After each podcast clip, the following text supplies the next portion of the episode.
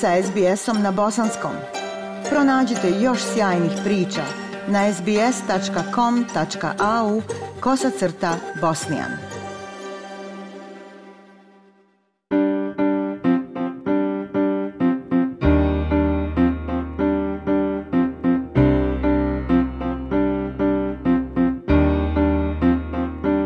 Slušate SBS program na bosanskom jeziku. Australci će od 1. septembra moći dobiti jeftinije lijekove nakon što je parlament usvojio vladi na izmjene zakona koje dozvoljavaju izdavanje recepata za rok od 60 dana, a posljednji pokušaj koalicije da to blokira nije uspio. 6 miliona Australaca uskoro će imati pristup jeftinijim lijekovima. Ljudi će od 1. septembra moći kupiti lijekove za dva mjeseca po istoj cijeni kao i za jedan recept. Promjena se odnosi na više od 300 uobičajenih subvencionisanih lijekova koji su već uključeni u šemu farmaceutskih beneficija i ta promjena će biti uvedena u tri faze. Prilog Sufije Tarik Savez farmaceuta izrazio je zabrinutost da bi ova politika mogla opteretiti neke lokalne apoteke uzrokujući da se zatvore, da farmaceuti izgube posao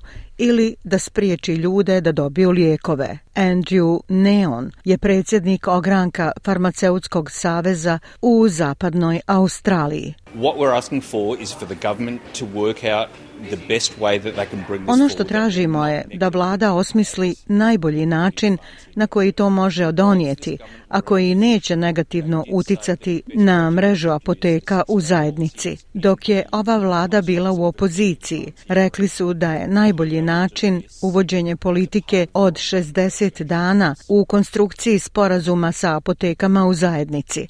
Nadamo se da će to učiniti kao dio svojih tekućih pregovora s nama. Ministar zdravstva Mark Butler kaže da će promjena omogućiti olakšanje troškova života, osloboditi ljekare i da neće zatvoriti lokalne apoteke. This measure will halve the cost Ova mjera će prepoloviti cijenu ovih lijekova za 6 miliona pacijenata. Očigledno je nevjerovatno dobra za uštedu u vrijeme globalne krize povećanja troškova života.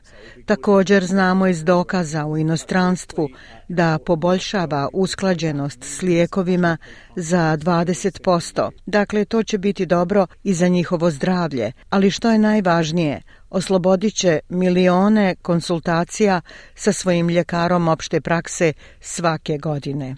Opozicija je bila kritična prema vladi, rekavši da podržava promjenu, ali da laboristi nisu uspjeli da se konsultuju sa apotekama prije nego što uvedu promjenu. Koalicija je saopštila da će blokirati promjene izdavanja recepata za 60 dana savezne vlade, osim ako ne pristanu na pregovore i provedbu novog sporazuma sa opštinskim apotekama. Opoziciona ministrica zdravstva Anne Raston kaže da koalicija podržava jeftinije lijekove, ali želi zaštititi lokalne apoteke od bilo kakvih štetnih uticaja. Koalicija podržava Australce da dobiju jeftiniji pristup lijekovima i mi podržavamo izdavanje lijekova u trajanju od 60 dana. Ono što danas kažemo je da mislimo da je vlada pogriješila u implementaciji.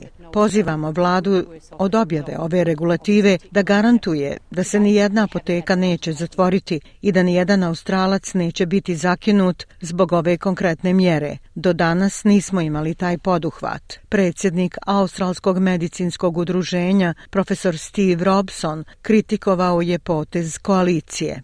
Doctors like me have an obligation to act in the best interests of our patients. Ljekari poput mene imaju obavezu da djeluju u najboljem interesu naših pacijenata. Koalicija je jučer pokazala da ne osjećaju isto. Senat danas ima priliku učiniti pravu stvar za sve Australce, a nadamo se da će oni iskoristiti tu priliku. Pristupačni medicinski lijekovi bi trebali biti dostupni svakom Australcu. To je tako jednostavno i želimo biti sigurni da više ne propustimo ovu priliku.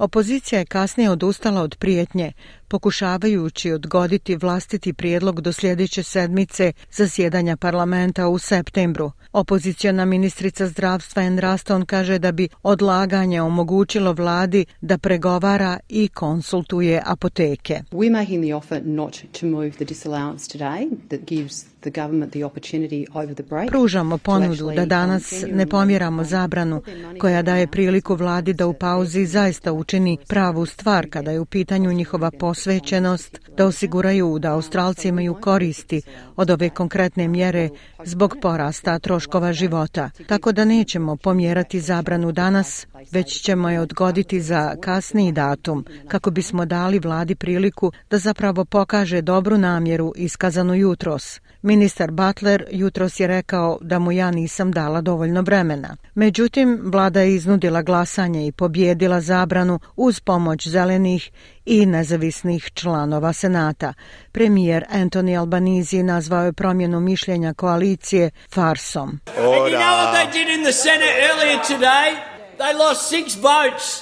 Znate li šta su uradili u Senatu danas? Izgubili su šest glasova pokušavajući da blokiraju glasanje, pokušavajući da blokiraju glasanje na njihov prijedlog, a onda kada to nije uspjelo, povukli su prijedlog koji ostade siroče. Kakva farsa! Opozicija je podnijela još jedan prijedlog za zabranu naredne sjednice u septembru nakon što izmjene stupe na snagu. Mark Butler kaže da koalicija treba da ide dalje. Well, again, I, I, I haven't, I haven't seen that, that motion, but Nisam vidio taj prijedlog, ali cirkus se nastavlja. Pitam se samo kada će koalicija naučiti da podržava interese pacijenata, a ne ovaj farmaceutski lobby. Senat je izrazio volju ne o proceduri, već o suštini prijedloga, a većina senata, jasna većina senata, podržala je vladinu mjeru. Iskreno, koalicija bi to trebala samo saslušati i nastaviti dalje. Ja sam Aisha Hadži Ahmetović. Ostanite uz SBS radio program na bosanskom jeziku. Like, share, comment. Pratite SBS Bosnian na Facebooku.